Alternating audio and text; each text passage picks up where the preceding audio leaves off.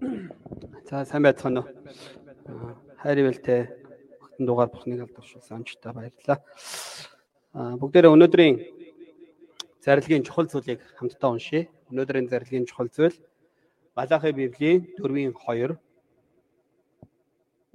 Библийн 4-ийн 2 Байхлаа Гэвч миний нэрээс имэгч та нарын төлөө зөв шударгын нар мандах бөгөөд түүний гэрэл эдгэх туяагаар гийгүүлнэ. Та нар урагш явж хашаанаас гарсан туглууд мэд хариалгах болно. За би залбир. Хайр бэлмх амаар дуран бурхаава бидэнтэй хамт байгаад баярлалаа. Таны хүндхэн магтах өдрийг өгсөн тань талархаж байна. Таны үгээс суралцах боломж өгч байгаад баярлалаа. Та хүчин гэрээний эцсийн номлоор дамжуулаад үгээр дамжуулаад бидэнд тань таны өмнө яаж амьдрах ёстой? Таныг яаж танаас яаж имэн хүндэтгэх ёстой? Таны өмнө яаж эц хүртэл төвчээртэй байх ёстой? Ямар шагнал бас ямар эцсийн найдварын өдөр хүлээж байгаа талаар суралцах гэж байна. Та бидэнтэй хамт байж таны зарилгийг бид нар суралцаад хашаанаасаа гарсан тоглоод мэт баярлан хөөрч өдөр бүр тэр баяр хөөртэй амьдралаар амьдрахад тусалж өгөөч ээ гэж гуйж байна. Энэ цагт номлол заах цагийг удирдах миний үг биш. Харин таны ариун сүнсний хүч таны яг хэлэх гэж байгаа тэр үгүүд байхад тусалж өгөөч ээ гэж гуйж байна. Эхнээс тусалтаа ариун сүнсээр удирдаач ээ. Би Есүсийн нэрээр гуйж байна. Амен.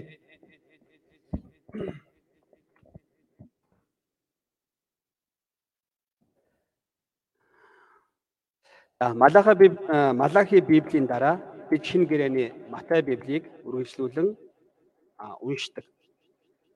Библийн хуудасаар бол Малахи Библийн 4 дараагийн хуудас бол шууд Матай Библи холбогддог.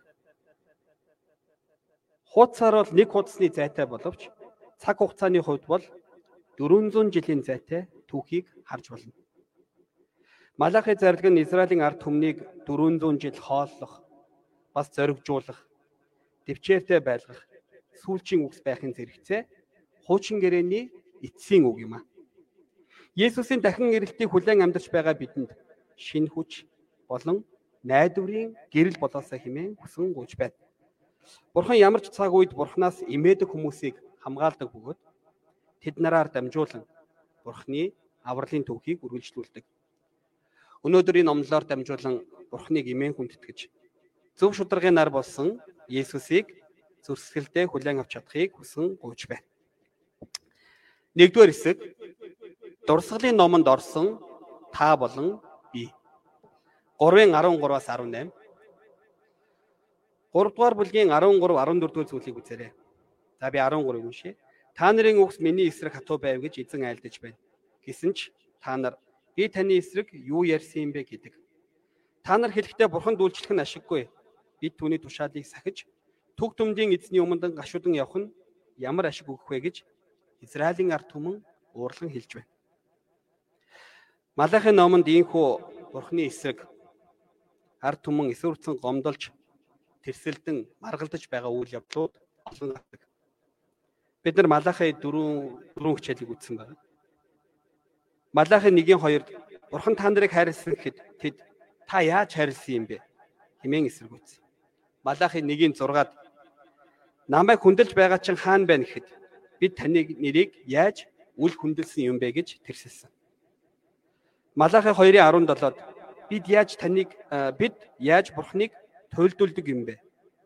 Мөн Малахи 3-ын 8-д бурхныг лойрцсон гэхэд бид таныг яаж лойрцсон юм бэ? химэн бурхантай маргалцсан. Өнөөдрийн номлол дээр чалгаагүй би таны эсрэг юу ярьсан юм бэ хэмээн бардамнан хатуу эсэргүүцэж байгаа Израилийн ард түмнийг харж байна. Израилийн ард түмэн өөрийн өөрсдийн гимиг огт ухаарахгүйгээр барахгүй. Бурхны эсрэг тэрсэлж байгааг харж байна.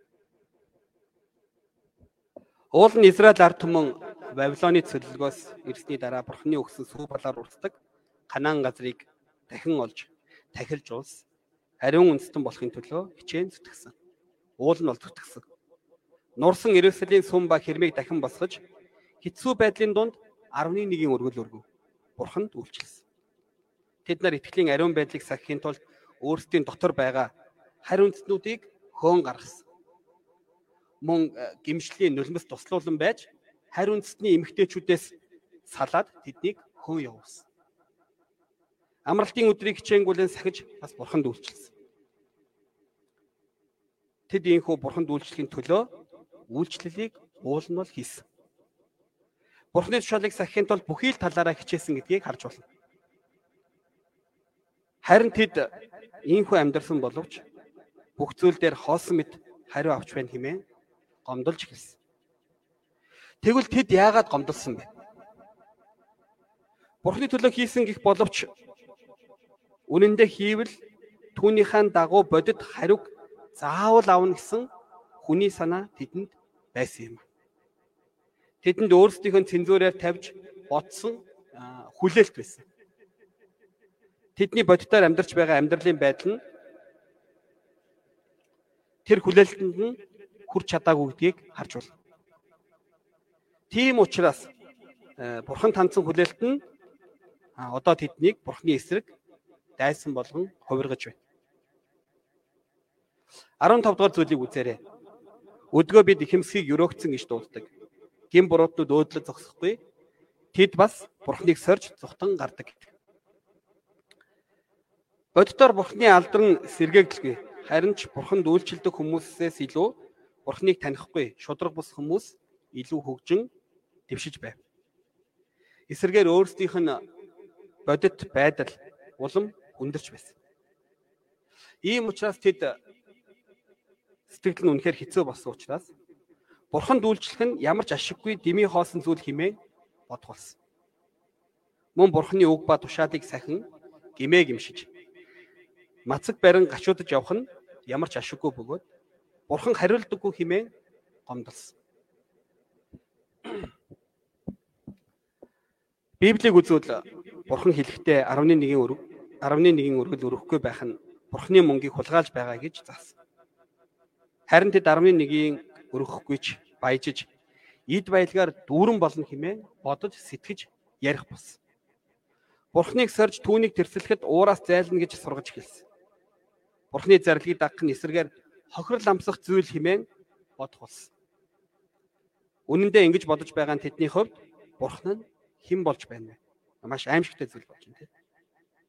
Бардам хүн муу гүйлдэгч нь бодитоор сайн хүн мэд санагдаж хүмүүст тийм ойлголт өгөх болсон.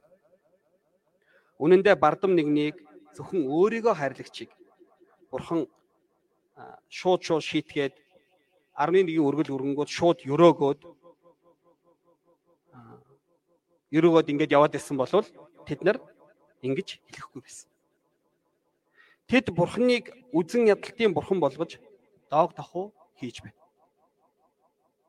Яг үнэндээ бол аав ээжигээ үзен ядаж уурлаж та нар надад ер нь юу хийж өгсөн юм бэ хашгичж бэ нэгэнтээ адил болсон гэж ойлгож байна. Тэд ийм байдалд хүрсэн нь Бурхны шудрах шүлт заавал ирэх бөгөөд Бурхны хаанчлалын мөнхийн шагналд байгаа гэдэгт итгэж чадаагүйгаас болсон юм хэмээн Библи тайлбарлан хэлж байна. Бурхны амлалтанд заавал биелэгдэнэ гэдэгт бат итгээгүйгээс болсон явдал юм. Тийм ээ. Бурханд үл итгэх нь хамгийн том гим юм. Тэд бодит байдлыг дэндүү харж эд материалын зүйл дээр төвлөрч байсан бөгөөд амьд орш бурхныг харахыг хүсээгүй. Бурхан шудраг ба нэгүслэр энэ дэлхийг захирч байгаа гэдэгт тэд итгэж чадахгүй байсан. Бурхан амлалтаа заавал биелүүлдэг бөгөөд түүний цагийг үл тосон үйлдэлийг тэд гаргасан юм. Энэ мэт үл итгэлийн үгс, гомдлын үгс, эсэргүүцлийн хатуу үгс доромжлолын үгс нь бурханд аль хэдийн сонсогдсон. Өнөөдрийн бидний амьдарч байгаа энэ цагт хүмүүсийн бодит байдал ямар байгаа талаар бүгдээрээ бодцгаая. Малахи Библийн үеийн Израиль Израильчууд шиг болжээ гэсэн бодол өөрийн ирэхгүй төрсөн. Бүгдээрээ ингээд дэлхийн талаар яриад хэрэггүй те. Зүгээр л одоо Монголынхаа өнөөгийн байдлыг харвал бид нэр энэ байдлыг харж байна.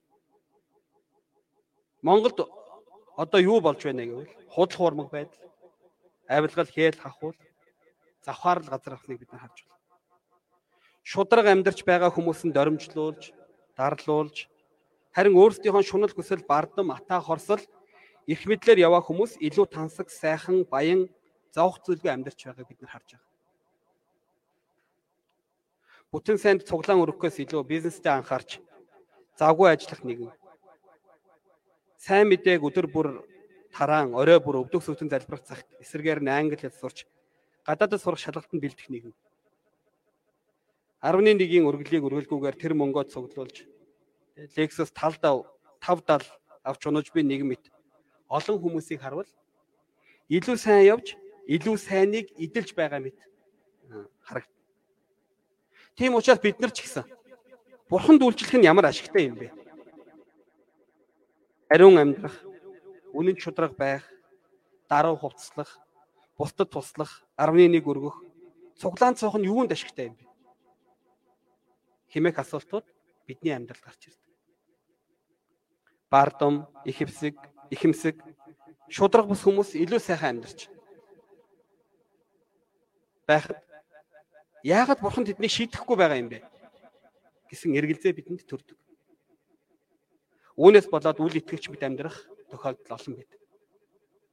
Ийхүү тохиролцсон амьдрдаг итгэгчид сүүлийн үед маш их олон болж байгаа.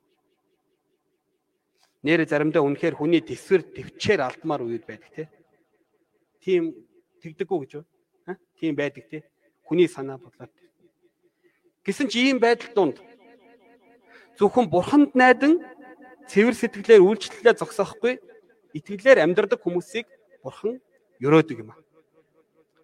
Тийм хүмүүс бүх цаг үеийн турш байсан бөгөөд цаашдаа ч гэсэн байх бол. Бурхан түнд найддаг хүмүүсийг анхааран тэдэнтэй хамт баярладаг. Тэднэрээр дамжуулан Бурханы авралын ажил үргэлжилж байдаг гэдгийг би баттай хэлж чадна. Одоо бүгдээр үргэлжлүүлээд 16 дугаар зүйлийг үзээрэй. Харин эзнээс имээдэг хүмүүс бие биетэйгээ ярихад эзэн анхаарал тавин сонсдог.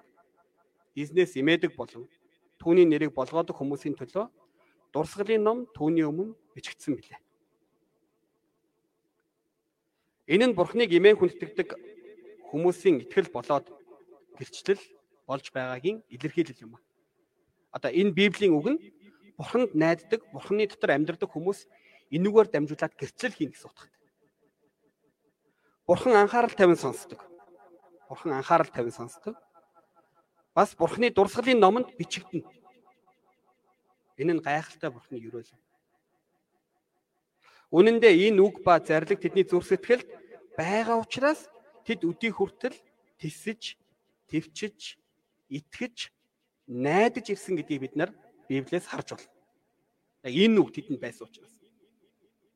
Тэдэнд ийм итгэл байсан болохоор сүмд иргэчдийг баяртай сэтгэлээр ухтан авч Левичүүдийн амьдралынхын төлөө 11-ийн үргэлгийг өргөж уус үндэстнийхаа төлөө өвдөх сүгтэн залбирч өндчин ядуу бэлэвсэн нэгний төлөө талхлын өргөл өргөн амьдарч өөрсдийн цаг заваа зориулсан байт.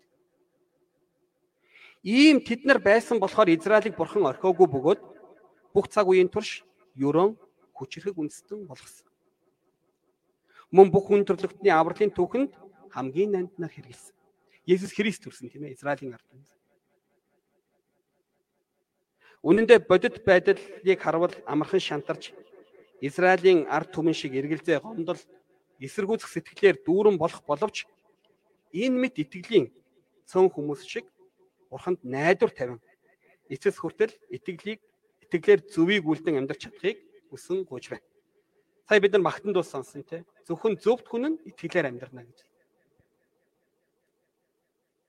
Ингиж амьдрснаар бид нар ингэж амьдрснаар Монгол улс маань хаан мэт ахилж Бурхны ариун үндэстэн дэлхийг авардаг сүнсний их орон болоосоо хэмээн хүсэн гуйж байна.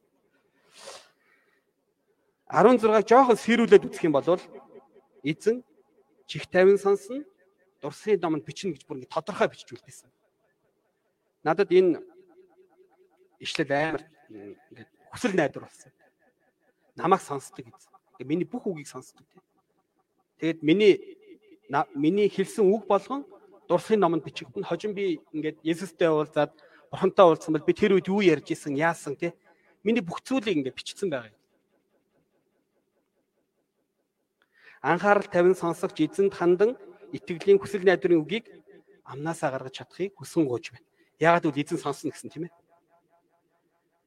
Тэгээ би энэ зарлиг бичиж байгаа. Яг сонсно гэдэг үгийг сонсоод Бурхны өмнө амар гимшсэн. Би итгэлийн үг хэлэх хэрэгтэй байна. Би хүсэл найдварын үг хэлэх хэрэгтэй байна. Тийм ээ. Би хүнийг босгон байгуулдаг, урамшуулдаг, тий хүсэл найдвар өгдөг үгийг хэлэх хэрэгтэй байна гэж өөртөө тийм хүч авсан. Бид бусдад үгээр итгэлийн нөлөө өгдөг тий. Миний итгэлийн үгсээр дамжин сэтгэл бас сүнс сэрэгдэг. Шантрал үйл итгэлийн дунд би нэгэнд хүсэл найдварыг төрүүлдэг юм байна гэдгийг бурхан хэлж байна. Үүнчлэн миний итгэлийн үг яриа нөгөө хүнд итгэлийг бий болгож миний үл итгэлийн үгс нөгөө хүнийг үл итгэлд унгааж чадах юм байна гэдгийг би бас ойлгосон. Тиймээс бид итгэлийн ахан дүүстэй итгэлийн үгсээр үргэлж ярих хэрэгтэй. Манай чуулганч гэсэн эзнээс имээ. Итгэлийн үгсээр бие биенээ урамшуулан, тайвшруулж, бие биенээ хамгаалan амьдарч чадахыг хүсэн гуйж байна. Энэ дээр би тэр дурсгалын номонд бичнэ гэдгийг жоохон сэрүүлээд ярих гэж утсан. Түүхийг үзэх юм бол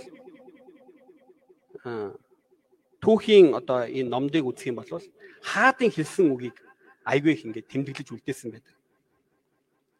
Тэгээ миний сурж исэн сургуульд миний сурж исэн сургуульд одоо Солонгосын Чусан улсын хаан, Чусан үндэстэн гэж ярьдаг чинь Солонгосуудыг.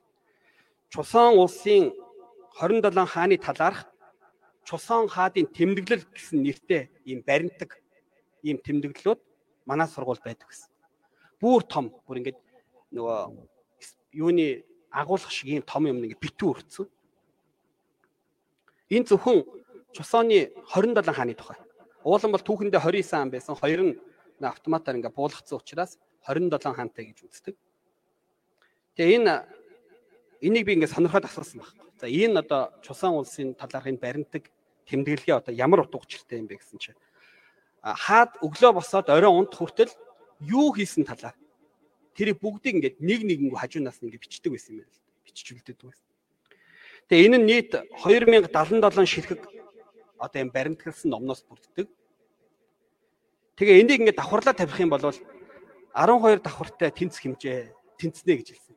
12 давхар барилгатай тэнцгэмж. Тийм их юм одоо тэмдэглэл байна тийм ээ. 27 хааны талаарх тэмдэглэл тийм.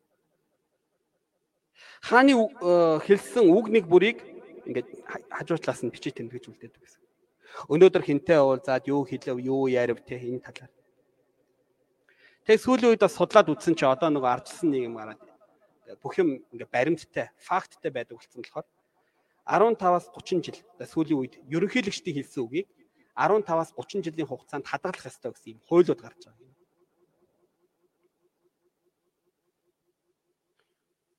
Харин би бодсон. Миний үгийг тийм ээ. Бидний үгийг дурсгалын номонд бичдэг бурхан нь тэр дурсгалын ном нь зүгээр алга болох биш тийм ээ. Нэг файл байж байгаад алга болох зүйл биш тийм ээ. Тэр дурсгалын ном буюу тэр мөнхийн амийн тэр ном нь мөнхөд хадгалалтаа байх юмаа гэдгийг өнөөдрийн зарлиг хэлж байна. Ингээд бодохоор Бурхны үгийг сонсдог тийм ээ. Дурсхийн номонд миний хэлсэн бүх үгсийг мөнгөд хадгалдаг гэхээр би болон та бүхэн та нар тий ямар агуу хүмүүс болох вэ гэдгийг бид мэдж байна тий. Бид нар хаанаас илүү байна шүү дээ тийм ээ. Хаан бол одоо 27 хаан тий үлдсэн хүмүүс нь бичигдээгүй тий. Чингис хааны талаар хэлсэн үг нь одоо хүртэл ерөөсөй байхгүй байгаа шүү дээ. Тийм хэдгээ үг байгаа тий. Харин бидний бүх үгсийг тийм ээ дурсын номонд бичиж тэмдэглэж үлдээнэ. Тийм учраас Бурхан Израилийн ард түмнийг бүх дэлхийн тахилж ариун үндэстнэр босгосон шиг бид нарыг ч гэсэн энэ цаг үеийн хаамыг тахилчаар босгон байгуулж байна гэдэгт бид нэр 100% итгэх хэрэгтэй. Амен. Бурхан биднийг хаамд босгож Бурхан биднийг хаамд хүндэтгэж байна. Тийм ээ. Мөнгөгүй, нэр хүнд бүхий сайхан ажилгүй, цол хэрэгмгүй хүндэл магтаалыг дэлхийгээс авахгүй байгаа ч гэсэн тийм ээ дэлхий бид нарыг тэгж харж байгаа ч гэсэн бурхан бид нарыг хаа мэд харж байна тийм ээ хаа мэд харж бид нарыг өрөөж байна бидний үгийг сонсож дурслын номонд дурсгалын номонд тэмдэглэж байна тийм ээ бүгдээрээ энэ цагт хаан мэт тий баавартай бас ихтгэлтэй амьдарч чадахыг хүсэн гуйж байна. За бүгдээр 17 дугаар зүйлийг үзье. Би өөрийн эзэмшлийг байгуулах өдөр тэд минийх байх болно. Өөрт нь үйлчлдэг хүүгээ хүн өршөөдгийн адил би тэднийг өршөөх болно гэж төг төмдийн эзэн айлдаж байна гэдэг. Бурхнаас эмээн хүндлэгчийг өөрийн онцгой эзэмшил болгоно гэж бас дахин хэлж байна. Англи хэлээр болохоор маш нандин чухал онцгой эрдэнэс гэсэн ийм утгатай үг юм байна л да. Одоо King James-ээс харах юм бол Бурхны онцгойл нь нандинаж хамгаалдаг эрдэнэс шиг болгоно гэсэн утгатай. Би Бурхны эзэмшлийг бол энэ дэлхийн итгэгчдийн үл тоомсорсон үзен ядаж удахгүй дампуурах мэт байдал бий болсон ч Бурхан биднийг эрдэнэс мэт тооцож Бурхны онцгой эзэмшийн ард түмэн болон үргэлж анхааран хамгаалж энэ газарт ч мөнхийн улсад ч онцгойлон өрөөх болно гэдгийг бид нэр эндээс харж байна. Түүнчлэн Бурхан тэднийг хүүгээ өршөөдгийн адил өршөөн хэмээн хэлж байна хүүгийн хэмжээний эрх мэдэл болон харилцаатай байна гэдгийг сануулan хэлж байна.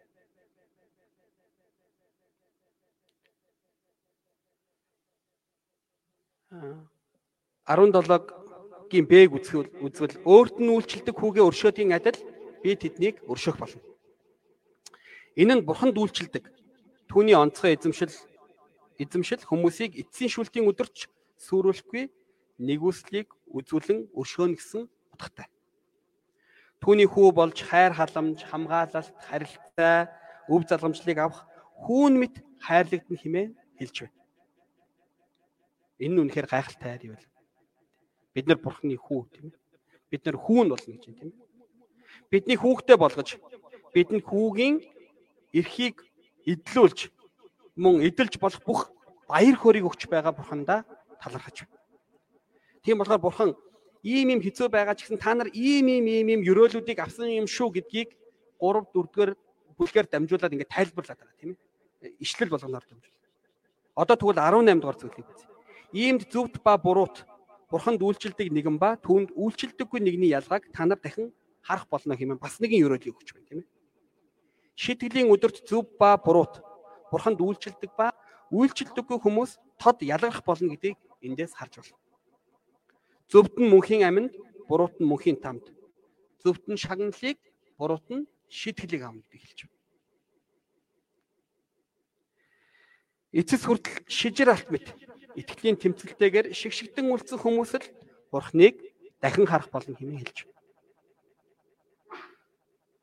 400 жил чимээгүй байхад энэ мэд шижир алт мэд итгэлтэй хүмүүсээр Бурхан ард түмнийг удирдах шин гэрэний итгэлийн түүхийг үргэлжлүүлсэн байдаг. Эцсийн өдөр тэр нэгэн өдөр бүх хүн Бурхны өмнө шүүгдэх бөгөөд шудрах шүүлтийг нүдээр дахин тод харах болно гэдгийг энд хэлж байна. Бид эцсүртэл амлалт болон шудраг шүүлтийг хүлээн ариун бас шударгаар Бурхны өгсөн дэлхийг ялдаг хаамт амьдралаар амьдарч чадахыг хүсэн гуйж байна. Бурхан өнгөрсөн хугацаанд дэлхийн ЮБЭВ чуулган болон Монгол ЮБЭВ чуулганыг гайхалтайгаар ивэсэн гэдгийг бид нар харж байна. Ихтэй сургуульд таны үгийг дамжуулах Никон олох нь хэцүү мэт байгаач Бурхныг эмээн хүндэтгдэг хүмүүсээр дамжуулан бурхан ажиллаа хийх болно гэдэгт би 100% итгэдэг. Зарим газар, зарим улсад цуглаан удаанда 15 жил болоод алга болдог гэсэн судалгаа гарч цуглаан байгуулагдаад нэг 15 жил болоод дахиад алга болдог. Ихэнх сүмүүдийн одоо насжилт тий сүм байгуулагдаад 30-аас 50 жил оршин тогтдог гэж судлагдсан байдаг. Яг одоогийн байдал. Бидний бурхан биднийг шижир алт мэт гаргах тий шижир алт гаргах мэт шатаахад бид бурхны хайр ба шудраг байдлыг магтан дуулж бурхны ажлыг хийж чадах юм. Одоо манай цуглаан ч гэсэн тийм ээ. Ингээ 30 жил болж байгаа тийм энэ жил 30 жил тийм бид нар 30 жил болж байна. Энэ цаг үед бид нар зөвхт ба бурууг ялгав.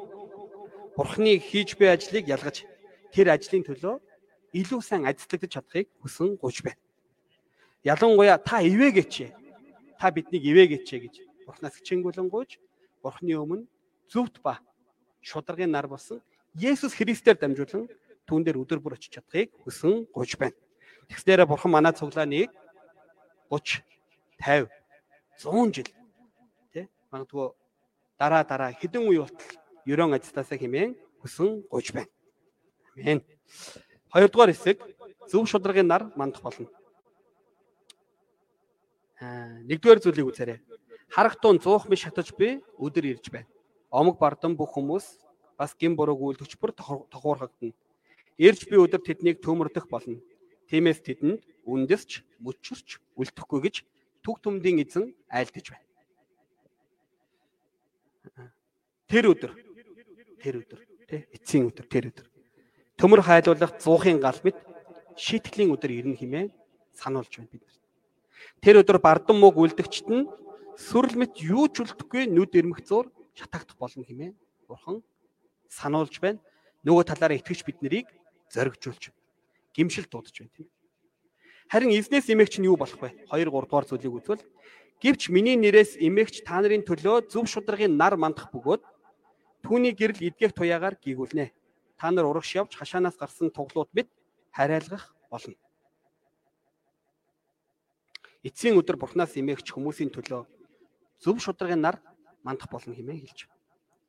Энэ нь энгийн нар биш бөгөөд илүү хүчтэй гэрэл болох бүх гэрлийн үндэс болсон Есүс Христийг зааж байгаа гэдгийг бид нэр сурч байна. Лука Библи 1:79 Христ мандах нар мэт дээрээс ирэн бүх харанхуйд ба өхлийн сүдэр суугчдын дээр гийгүүлэн амар тайвны замаар хөтлөн химээн хэлсэн мэт. Энэ дэлхий хичнээн хав харанхуй байсан ч Есүс нар мэт мандаж гимба өхлийн иргэшээлд ор буй хүмүүст шин ам шин амьдрал шин гэрэлт замыг бас авралын ажлыг хийх юмаа гэдгийг бид нэр харж байна. Зарилгаас харвал түүний гэрэл нь эдгэх туяагаар гийгүүлэн хэмээн тодорхой бичсэн байна. Энэ эдгэх туяа гэдгээр бас амар хайр байлаа. Эдгэх туяа. Энэ гэрэл нь Есүсийг зааж байгаа бөгөөд Христийн цагалмайн хайрыг зааж байгаа юм. Шудраг бус гимээр дүрийн энэ дэлхийд бурхны үг ба хүслийн дагуу амьдрахад олон хохирол амсаж буруу ойлголт болон гадуурх гадуурхлыг бид нэр амсдаг. Итгэж хончны амьдралд янз бүрийн буруутгал, шүүмжлэл, үл тоомсрол ба эсэргүүцлийг аван шархлан амьдрал.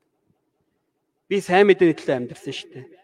Сэтгэл зүрх цаг зав ид хөрөнгө зориулан амьдрсан ч ямар ч үр дүнгүй харагдан эсэргээр шархавд. Хайрлан үсгсэн нэг хонь эцтэй хончныг үзэн ядан явах үед ямар нэгэн ол зашгийн төлөө бус эзний ажлын төлөө буруутгал амсан хохироход хилээгүй үг хийгээгүй зүйлийнхэн төлөө доримжлогдох үед хин нэгэнд орхигдсон хаягдах үед бид нар шархавд. Харин эцэст нь Есүс зөв шударгын нар мэт ирэхэд ирэх бөгөөд загалмаагаас эмчлэн гийгүүлэх эдгэх туяа туяаран гарна хэмээн Библи хэлж байна. Энийг ингээд Есүс Христ буюу загалмаатай холбож байгаа. Христийн загалмай. Христийн загалмайг тайлбарлаад байна.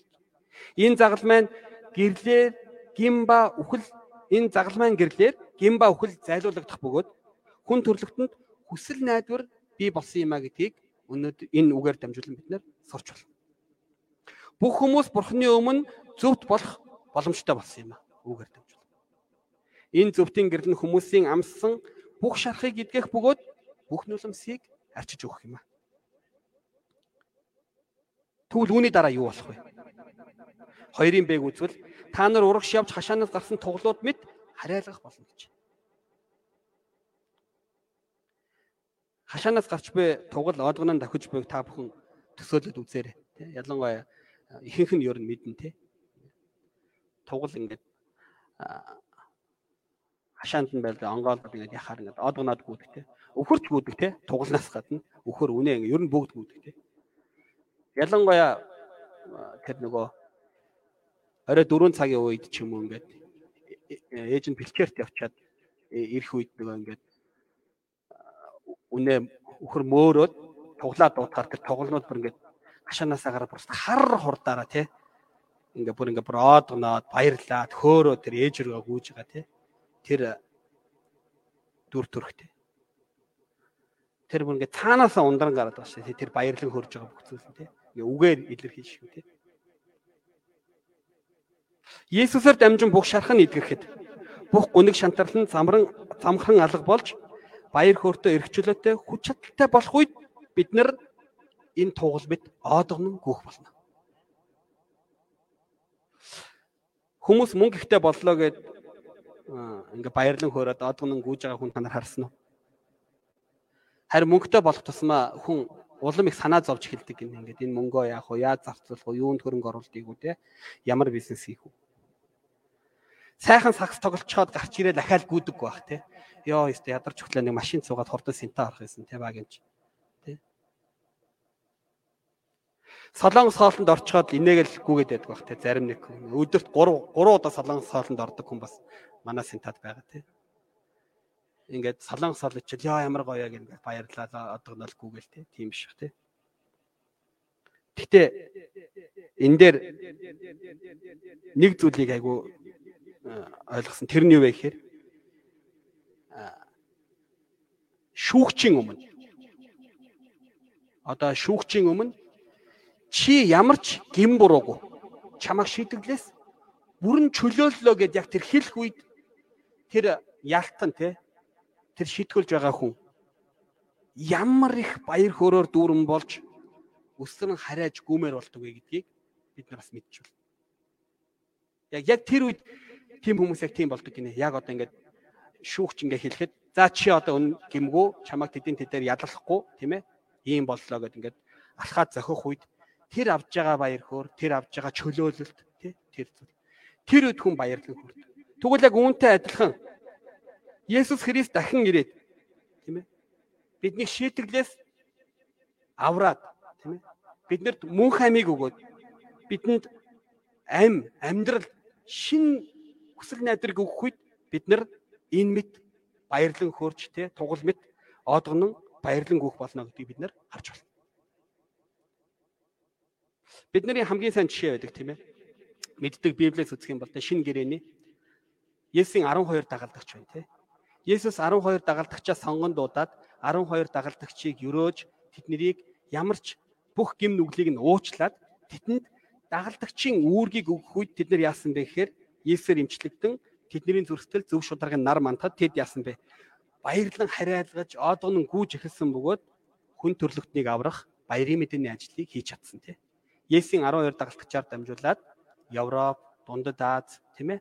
Азад за тэгээд бүгдлэхэд эзний үг тунхаглагдсан байна. Агуу түүхийг энэ 12 хүн хийсэн тийм ээ. Тийм ээ. Бидний хин нэгний амьдралд Есүс орж ирэхэд бид өдөр бүр цуцалтгүйгээр баярлан хөөрч хариалган гүйж чадах юм аа. Бид өдөр бүр Есүсийн эдгэрлийн туяагаар имчлэгдэж хашаанаас гарсан тугал мэд хариалган одгоноч баяр хөөртэй амьдрэх хүмүүс бол чадахыг хүсэн гуйж байна. За одоо бүгдээрээ дөрв дөрвийн дөрвөөс 6 дугаар зүйлүүдийг үзээрэй. Энэ нь болохоор Малахи номын дүгнэлт бөгөөд хуучин гэрээний дүгнэлт гэж хэлж болно. Яохагийн өдөр болох шийтгэд ирэхээс өмнө Бурхны үг буюу тушаалуудад хэрхэн хандах ба Илияг илгэн гэсэн зөвнөлийг энд дамжуулан хэлж байна. 6 дугаар зүйлээр дамжуулан бүх хүмүүст гимших боломж өгөгдөхөд Бурхан руу ирэхгүй бол хараараар зохих болно хэмээн бас сүүлчийн сануулгыг өгөн хуучин гэрээг дуусгаж байна. 6 дугаар зүйлээр дамжуулан тэрээр эцгүүдийн зүрхийг хүүхдүүд рүү хүүхдүүдийн зүрхийг эцгүүд рүү нэргүүлнэ. Эс бөгөөс би ирж энэ нутгийг хараалаар зохино. Бурхан хав харанхуй Ахаб хааны үед Илиягаар дамжуулан ард түмнийг бурхан руу эргүүлэх ажлыг хийсэн шигэ Илия мэд сүнстэй баптизм Йоханаар дамжуулан ард түмнийг гимшил дуудан тэдний сэтгэлийг бурхан руу эргүүлэх болно гэдгийг зөвгнөн хэлж байна. Малахи номын эцэст ийхүү месиагийн замыг бэлтгэх баптист Йохны тухай зөвгөнснөөр шинэ гэрээний үеийн үүд хаалгыг бурхан нээж өгч байгаа гэдгийг бид нар сурч болно. Эцэстээ 6-гийн бэгээр дамжуулан эс бөгөөс би ирж энэ нутгийг хараалаар зохино хэмээн хэлсэн. Хуучин гэрээний хамгийн сүүлчийн үг нь сан буюу сануулга гэдгийг бид нар мэдэх хэрэгтэй. Гэхдээ энэ сануулга дотор бурхны хайр ба амар амгалан баяр хөөр уучлал гимшил байгаа гэдгийг бид нар мартаж болохгүй. Зүгээр ингээд чамайг зохиноо хараана тийм ээ чамайг хүйс тэмтэрнэ гэж хэлсэн үг ш тийм ээ. Чи анхаараарай. гэж сануулад хэрвээ санвал ийм ийм ийм зүйл байгаа шүү гэдгийг бурхан тэр дотор агуулan дахин биднэрт хэлж байна. Тийм учраас бурхан Малахи номоор дамжуулан өнгөрсөн одоо ирээдүйг холбож өгч байгаа бөгөөд бурханы ивэл ба ёроолыг дахин амлаж бидэнд хүсэл найдварыг өгч байгаа гэдгийг бид нэр сурч болно. Тэ сануулгын зарлиг боловч нөгөө талаараа хүсэл найдвар өгч үлдээж байгаа хүсэл найдварын зарлиг юм а. Бурхны жинхэнэ санаа нь хараал биш бөгөөд сануулгыг хүлээн авч хазаасан замаасаа иргэн гимшилд очин авралыг амссан эдгэрх нь Бурхны чин хүсэл гэдгийг бид нэр сурч болно. Тиймээс бид Малахи Малахи зүнчээр дамжуулан дахин хэлж буй Бурхны хүсэл болох түүнээс имэн хүндэтгдэг амьдралаар амьдрах хэрэгтэй юм а. Изнээс имэхүн бүх итгэлийн амьдралын үндэс суурь гэж хэлсэн байдаг. Миний нэрнээс имэдэг та нар амийн номонд бичигдэн Бурхны эзэмшлийн онцгой хүмүүс болох бөгөөд та нарыг үнэт эрдэнэ мэд нандинан хайрлах болно хэмээн өнөөдөр Малахи номон дээр хэлсэн. Түүнчлэн зөв шударгын нар гэж Христийн эмчлэг туяагаар та нарын бүх шархыг эдгэх бөгөөд та нар хашаанаасаа гарсан тугал мэд одогнон баяр хөөртэй эрхчлөөтэй амийн хүчтэй амьдрах болно хэмээн Бурхан дахин хэлж сануулж байна. Тийм учраас бид нар Бурханы энэ хэлсэн үг, энэ хэлсэн амлалтанд итгэж бид нар баяр хөөртэй үн цэнтэй амьдрч чадахыг хүсэн гуйж байна. Тэрээр эцгүүдийн зүрхийг хүүхдүүд рүү, хүүхдүүдийн зүрхийг эцгүүд рүү эргүүлэх болно хэмээн хэлж энэ дэлхийн гин буруу зүйлс ялж байгаа мэт санагдсан ч зовлонтой асуудлууд шийдэгдэхгүй байгаа мэт харагдаж байсан ч гэсэн зөвхт хүний эцсийн ялалтанд бат итгэн бурхнаас эмээн хүндэтж амьдраараа хэмээн хэлж байна. Бүгдээрээ бурхнаас бурхныг эмээн хүндэтгэж итгэлээр дэвчээртэй амьдрч чадахыг хүсэн гуйж байна. Харагтун Зөв шударгын нар болсон Есүс одоо ч гэсэн авралын ажлаа хийсээр байгаа. Амен. За бүгдээрээ чухал зүйл хамт уншаад дуусгая. За эхлэе. Гэвч миний нэрээр нэрээс эмээгч та нарын төлөө зөв шударгын нар мандах бөгөөд түүний гэрэл эдгэх туяагаар гийгүүлнэ. Та нар урагш явж хашаанаас гарсан туглууд мэд хариалгах болно. За би залбир. Хайр эвлэм хаймаар дуран бурхан аваа хайр ивэлтэй зарлиг өгсөн тань талархаж байна. Зарлагаар дамжуулаад зөв шударгын нар мандах бөгөөд бидний бүх зовлон асуудлыг шарахыг эмчилж бидний нулимсыг ачна гэдгийг хэлж өгсөн тань талархаж байна. Мөн зөв шударга хүмүүс бурхны өмнө төвчээртэй байсан хүмүүс эцэстээ шагнал авах болно гэдгийг зааж өгсөн тань талархаж байна. Мөн та бидэнд олон өрөөлүүдийг өгсөн тань талархаж байна. Өрөөлнийг бүрээр дамжуулаад бурханд улам илүү бат итгэж эцсийн өдөр хүртэл таны ажлыг, таны авралын ажлыг хийж амьдрахад тусалж өгөөч хэмээн хүсэн гуйж байна. Бурхан аваа энэ дэлхий харвал ямар ч хүсэл найдваргүй боловч харин Бурханы өгдөг Бурханы эцсийн өдрийг найдварын өдрийг санаа хүн хүчтэй байж баяр хөөртэй байж чадхад тусалж өгөөч гэж гуйж байна. Ялангуяа өдөр бүр миний амьдрал, бидний амьдралд Есүс Христ Христийн загалмаа орж ирснээрээ зөвхөн нар үргэлж бидний төр сэтгэлд гүйж амьдарч чадхад тусалж өгөөч ээ гэж гуйж байна. Та бидэнтэй хамт байсан баярлалаа. Хайр ивэлтэй цагийг өгсөн тань талархаж байна. Бүх зүйлд талархаад Есүс Христийн нэрээр залбирanгуйж байна. Амен.